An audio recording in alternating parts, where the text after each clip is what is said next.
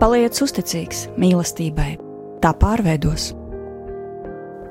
Jēzus saka, mīliet cits citu. Paliec uzticīgs mīlestībai, tā pārveidos. Raidījums mīlestības terapija ir saruna par sevi, dzīvi un mīlestību. Un šo raidījumu vada kristīgi psihologi Ina Grasmane un Marks Jērmaks.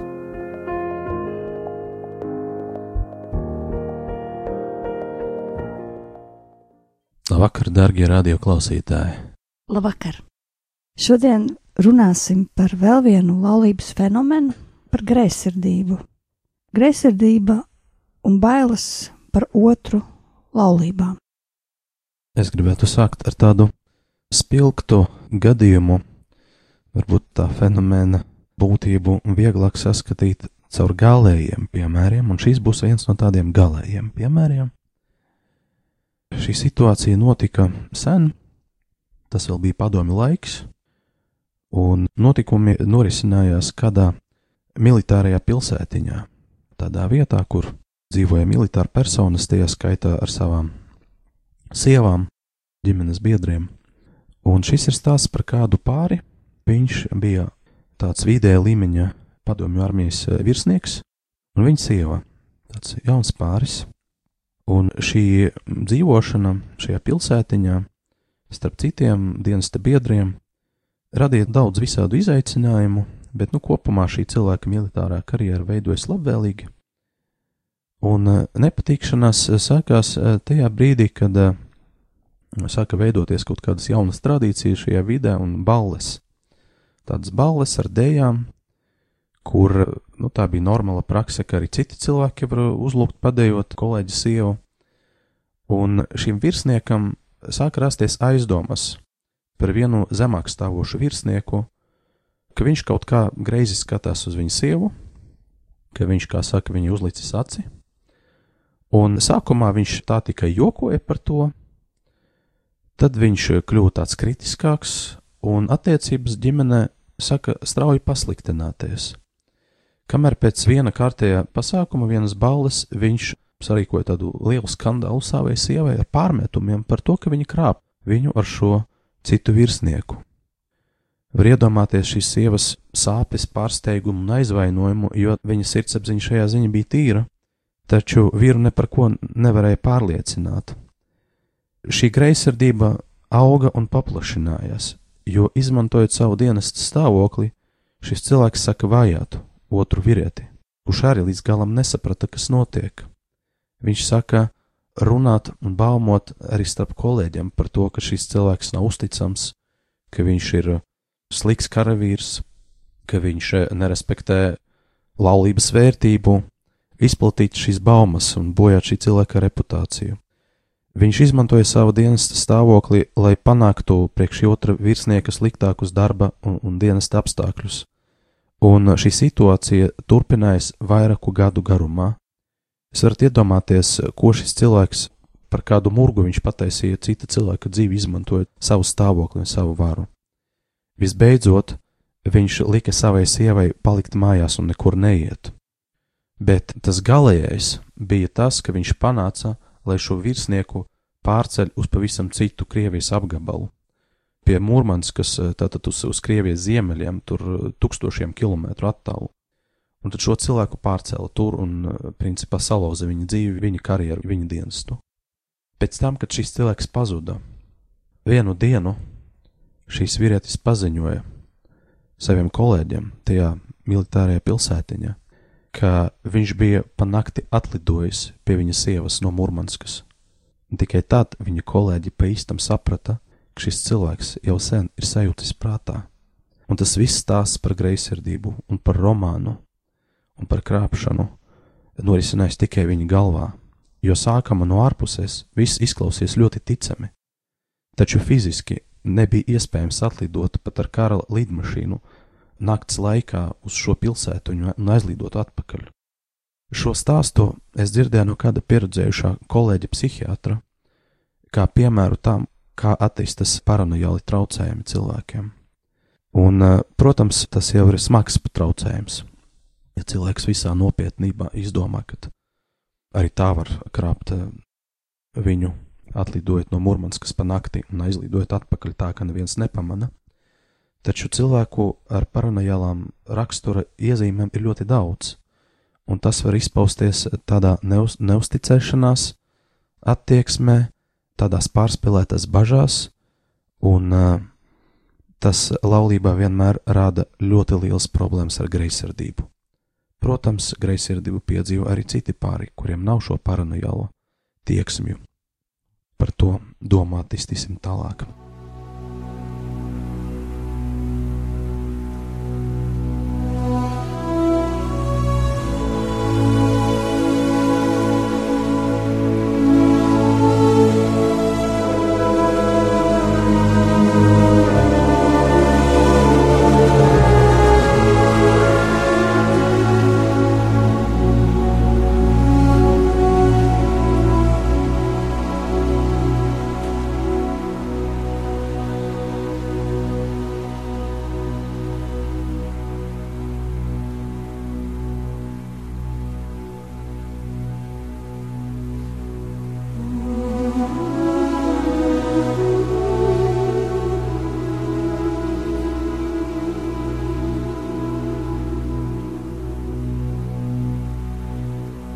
Jā,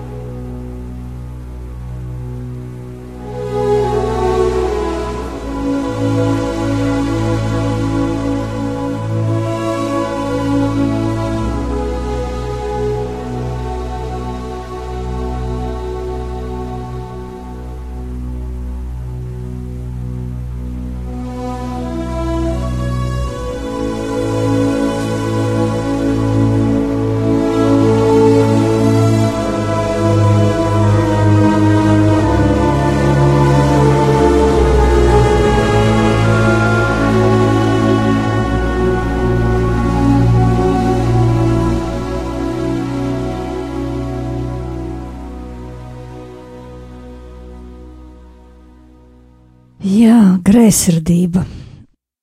Visiem pazīstams stāvoklis. Vai cilvēkam laba vai nē? Tāds ir jautājums, vai tas ir labais vai tas ir sliktais stāvoklis. Ko jūs domājat par greizsirdības jūtām? Un katram droši vien būs sava atbilde, katram būs savs stāsts. Greizsirdība tiešām var būt ļoti spēcīgas jūtas, kas kļūst pat par uzmācību un eh, nes ļoti graujošu iedarbību uz citiem cilvēkiem un uz attiecībām. Un otrādi, ja attiecībās vispār nav greizsirdības, tad varētu minēt, ka iespējams nav attīstīta līnija vīrišķais, sievišķais. Jā, ir tādi gadījumi, ka ģimenē laulātie dzīvo kā brālis ar māsu, kā ļoti labi draugi, un viņi tik ļoti uzticās, ka viņiem nav vispār šīs uh, greizsirdības cirksts. tad man būtu ļoti daudz jautājumu kā terapeitam par to, kā viņi izdzīvo vīrišķo un sievišķo savā laulībā. Bet ir, protams, gadījumi, kad greizsirdība nogalina mīlestību. Ir savukārt gadījumi, kad greizsirdība ir tā kā šoks, kas kaut ko atjauno, atmodina. Tā tad skaidrs ir viens, kad mēs izjūtam greizsirdību, tas vienmēr ir stāsts par to, ka mums šis cilvēks, pret kuru mēs izjūtam, ir nozīmīgs, svarīgs. Mēs pret vienaldzīgiem cilvēkiem greizsirdību neizjūtam, bet paši greizsirdības motīvi var būt ārkārtīgi dažādi.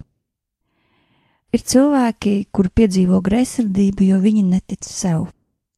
Viņi savā identitātē ir pazaudējušies, viņi nav savienoti ar sevi, un tādēļ viņi caur šo greizsirdību tā kā pievienojas cita cilvēka identitātei. Viņi tā kā sāk vampirizēt otru cilvēku.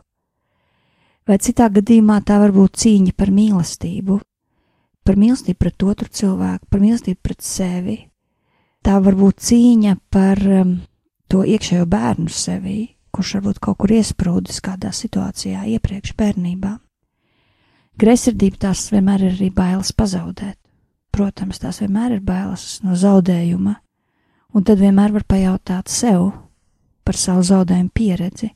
Vai nav kāds zaudējums, kurus nesu izdzīvojis, kurus nesu atstrādājis, kurā es esmu iesprūdis, ka šī greizsirdība nu mani moca vai vajā? Arī neticība, ka tas labais kaut kas, pēc kā es ilgojos, ir tieši priekš manis, Bieži vien cilvēki dzīvo šādā neticībā. Viņiem ir kaut kas labs, bet viņi īstenībā netic, ka tas ir priekš viņa, un viņi nevar savienoties ar šo notikumu savā būtībā, pieņemt to kā savējo, un līdz ar to šīs greizsirdības jūtas ir tā tādas sāpju strutas. Pēc kāda semināra kāda sieviete man jautāja par cilvēku spītību.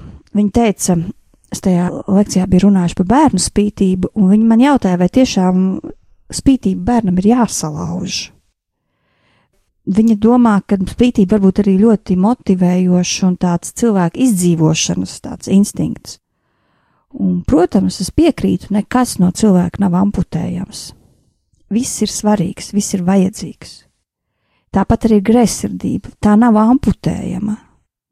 Bet tajā brīdī, kad tu vairs to nekontrolē, ka tā nes tādu graujošu vai attīstību apstādinošu ietekmi uz cilvēku, tad ir jāsāk tajā ieskatīties, ka tā kļūst par tādu apmātību, ka tu vairs nevari sevi savaldēt, nekādā veidā nokontrolēt, ka tev sāk rādīties kādas bildes uzmācībai līdzīgas, tad ir vērts šīs greizsirdības anatomijā ieskatīties, saprast, to atpazīt, iepazīt sāpes, kas zem tās ir. Tajā brīdī, kad tu nespēji kontrolēt greizsirdības jūtas, ir nepieciešama terapija šīm jūtām. Un, protams, greizsirdība tas ir dažādu jūtu komplekss, tāpat kā jebkurš sprosts. Es teiktu, ka šis arī ir tāds psiholoģisks sprosts, kur dažādas jūtas ir augušas kopā.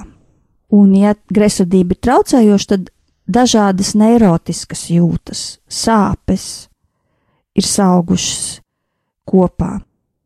Un tad mēs varam runāt par cilvēku, kurš ir iesprūdis.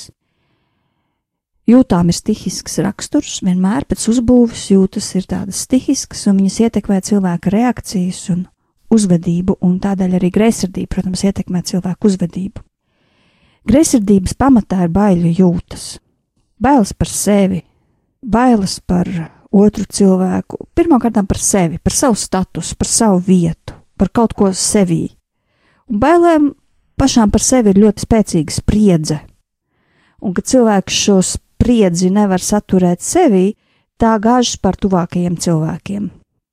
Un, ja šo spriedzi cilvēks nekādu nevar kontrolēt vai nekādu pats nespēja atbrīvot, tad mēs runājam par neirotisku spriedzi vai par neirotiskām bailēm. Tāpat tā var būt atkarība no cita cilvēka apstiprinājuma. Tā vajadzība no otra cilvēka var būt pārāk liela, nekā cilvēks to var dot. Tāpat motīvs var būt dažādas bērnības traumas, un tas viss veido greizsirdību. Greizsirdības jūtas var augt kā tāds psiholoģisks audzējs. No sākuma augonis, tad audzējs un pārņem dažādas citas uh, cilvēka priecīgās, jaukās jūtas, kā tas bija šajā gadījumā. Greizsirdība var būt kā apmātība, kā baiļu apmātība, kas sagrauj. Bet mazās devās greizsirdība ir kā tāda maza rozīnīta attiecībās. Kā tad strādāt ar greizsirdību? Ko darīt?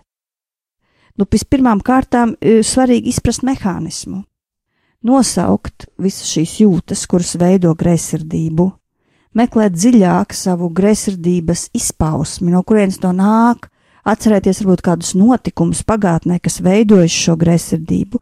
Tas var sākties ar uh, tavu trīs gadu pieredzi attiecībās ar mammu, ar tēti, ar šķiršanos, ar attiecībām ar brāļiem un māsām. Tā var būt tava pirmā mīlestība, kurā tu varbūt esi iesprūdis. Varbūt tā ir mīlestība, kurā tu tiki pazemots vai kaut kādā veidā, negatīvā veidā pamests.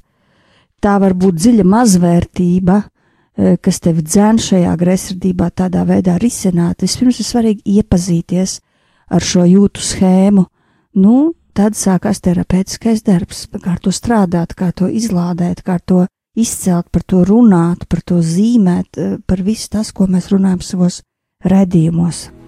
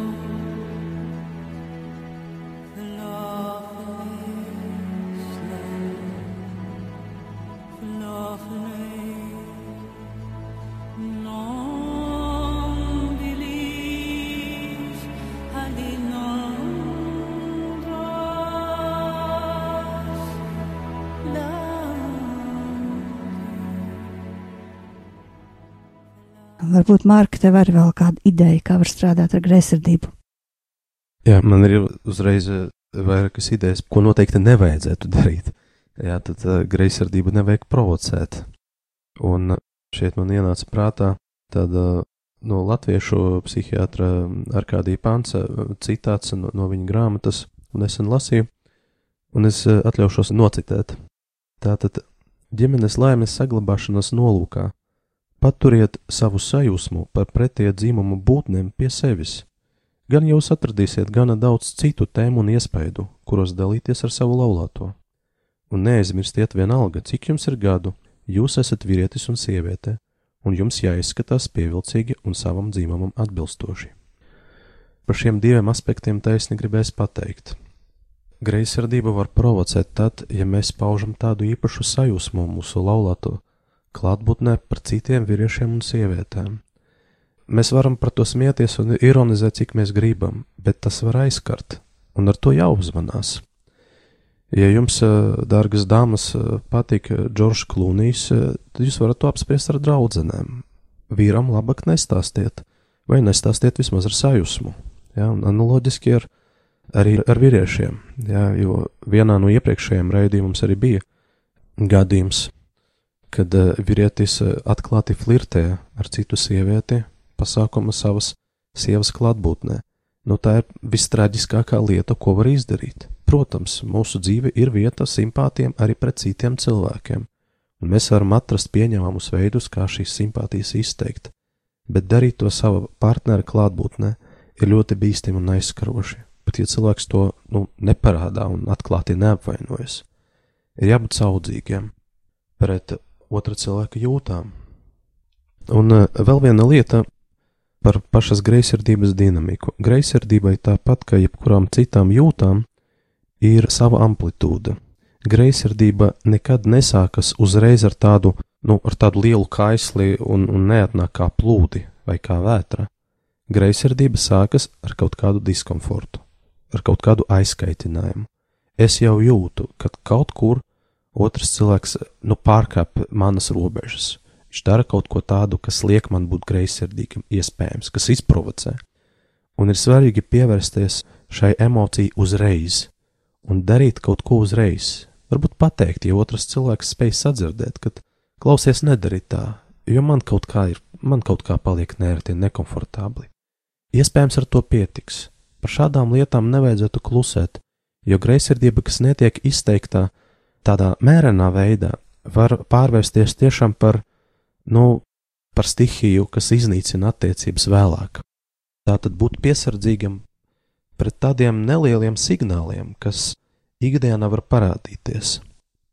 Visbeidzot, kad mūsos rodas šīs greizsirdības jūtas, un kad mums šķiet, ka partneris labāk izvēlētos kādu citu cilvēku, ja tam nav tāda praktiska seguma, tomēr vienmēr ir forši pajautāt tam otram cilvēkam vēl un vēl, kas tev īpaši patīk manī.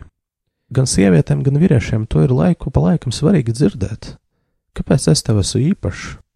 Jā, ko tu īpaši novērtē, kas tevi īpaši fascinē vai piesaista, un ja otrs cilvēks spēj ar to padalīties, pateikt, tas var būt liels stiprinājums, jo citreiz ir tā, ka greizsirdības pamata ir mūsu zemais pašvērtējums, jā, un tad sieviete šķiet, ka viņa īsti nav tā vērta, lai šis vīrietis paliktu ar viņu. Ir svarīgi laiku pa laikam atgādināt otram cilvēkam, kad uh, es redzu tevi, tavu skaistumu, es redzu to, ko tu dari, es to novērtēju, tu man esi dārgs un svarīgs izsakot šīs vienkāršas lietas, varbūt desmito vai simto reizi, mēs varam ļoti stiprināt otru cilvēku un veikt tādu, nu, liekas nevajadzīgas greizsirdības profilaksi attiecībās. Un es kā bērnu terapeits, protams, gribētu vēl piebilst arī par tādu vajadzību būt vērīgiem arī pret to, kā bērniem attīstās šīs greizsirdības jūtas, jo bieži vien eh, nācies eh, satikties ar situācijām, kad bērns guļ pa vidu pārim, zēns guļ mammas gultā, arī meitene, kas ilgstoši guļ mammas gultā, jau 6, 7 gadi, bet vēl abas divas guļ kopā, un cilvēki nepiešķir tam pietiekoši svarīgu nozīmi. Šeit ir ļoti būtiski vienkārši saprast, ka šīs robežas veidojas jau no agras bērnības, un tad, ja mēs ļaujam bērnam gulēt starp laulātajiem, lai kāda būtu situācija, lai kādas būtu attiecības, mēs viņu nostādām ķīlnieka tādā lomā, un tad, ja tu kādreiz viņam atņemsi to, tad viņš būs greizsirdīgs. Un principā mēs audzinām neirotisku, greizsirdīgu personību. Tādēļ šīs robežas, kādas arī ģimenē, attiecībās ar bērniem, ir ārkārtīgi būtiskas, jo viņas tur jau veidojās. Tur veidojas šis veselais cilvēks, un mēs kā vecāki nesam atbildību par to, kas tad mums izaugs, vai cilvēks, kas spēj mīlēt, vai cilvēks, kurš slimīgi baidās, sakrampē otru cilvēku tā, ka viņš eh, paliek kā vergs. Es domāju, ka ir pienācis laiks lūgšanai, lai mēs lūgtos par šo lietu mūsu ģimenēs, un pat tad, ja tavā ģimenē nav tieši greizsirdības problēma, tu vari lūgt par robežām, kas ir katras ģimenes jautājums, jo ir robežas, kas ir pietiekoši spēcīgas, bet ir robežas, kuras varbūt ir vājākas vai pavājinātas. Lūksim Dievu, lai Viņš stiprina gan ģimenes ārējās, gan iekšējās robežas.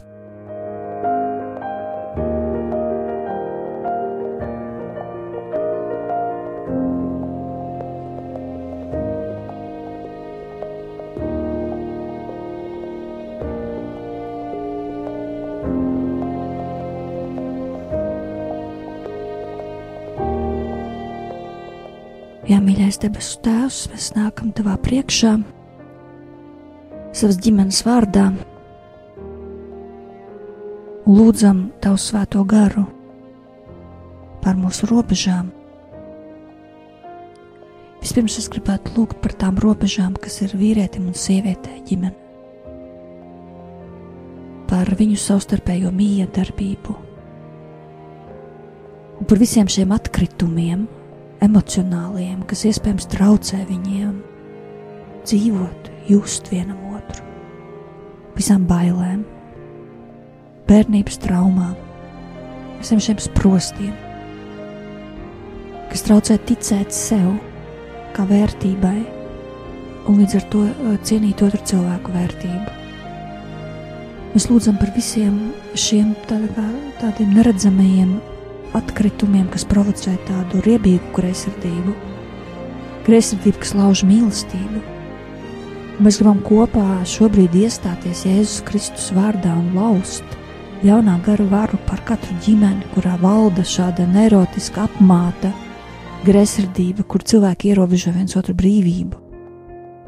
Mēs pavēlam ļaunais gars tev iet prom no šīm sistēmām, Jēzus Kristus vārdā un palīdz katrai ģimenei iestāties garīgā cīņā par savām robežām.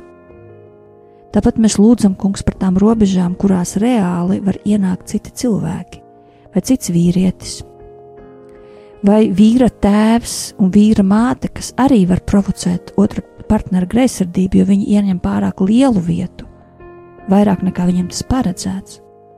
Es lūdzu, Jēzu, ka tu pats nāc ģimenēs un palīdz aiziet tiem cilvēkiem, kuriem, kuri traucē šai ģimenei attīstīties, kuri traucē e, iet uz priekšu, ieraudzīt sevi, iet šo transformēšanās un pārveidas ceļu.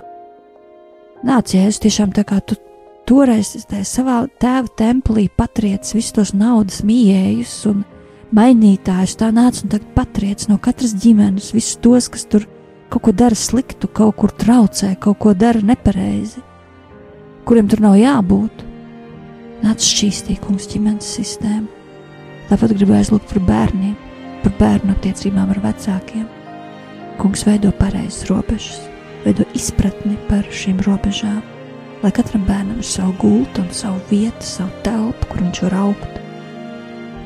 Vecāku mīlestības apmirdzētas, un lai vecākiem katram vecākiem ir šī vīrieša sievietes telpa. Gan fiziskā, gan emocionālā, gan garīgā kur viņiem satikties lūgšanā. Svētīt Tēvs katru namu ar robežu attīrīšanu. Jā, kungs, un mēs lūdzam dziedināšanu, atbrīvošanu, atjaunotni katram cilvēkam, kurš šodien šeit piedalās šajā lūgšanā. To visu mēs lūdzam Dieva, Tēva, Dēla un Svētā gara vārdā. Amen! Jūs klausījāties raidījumu Mīlestības terapija.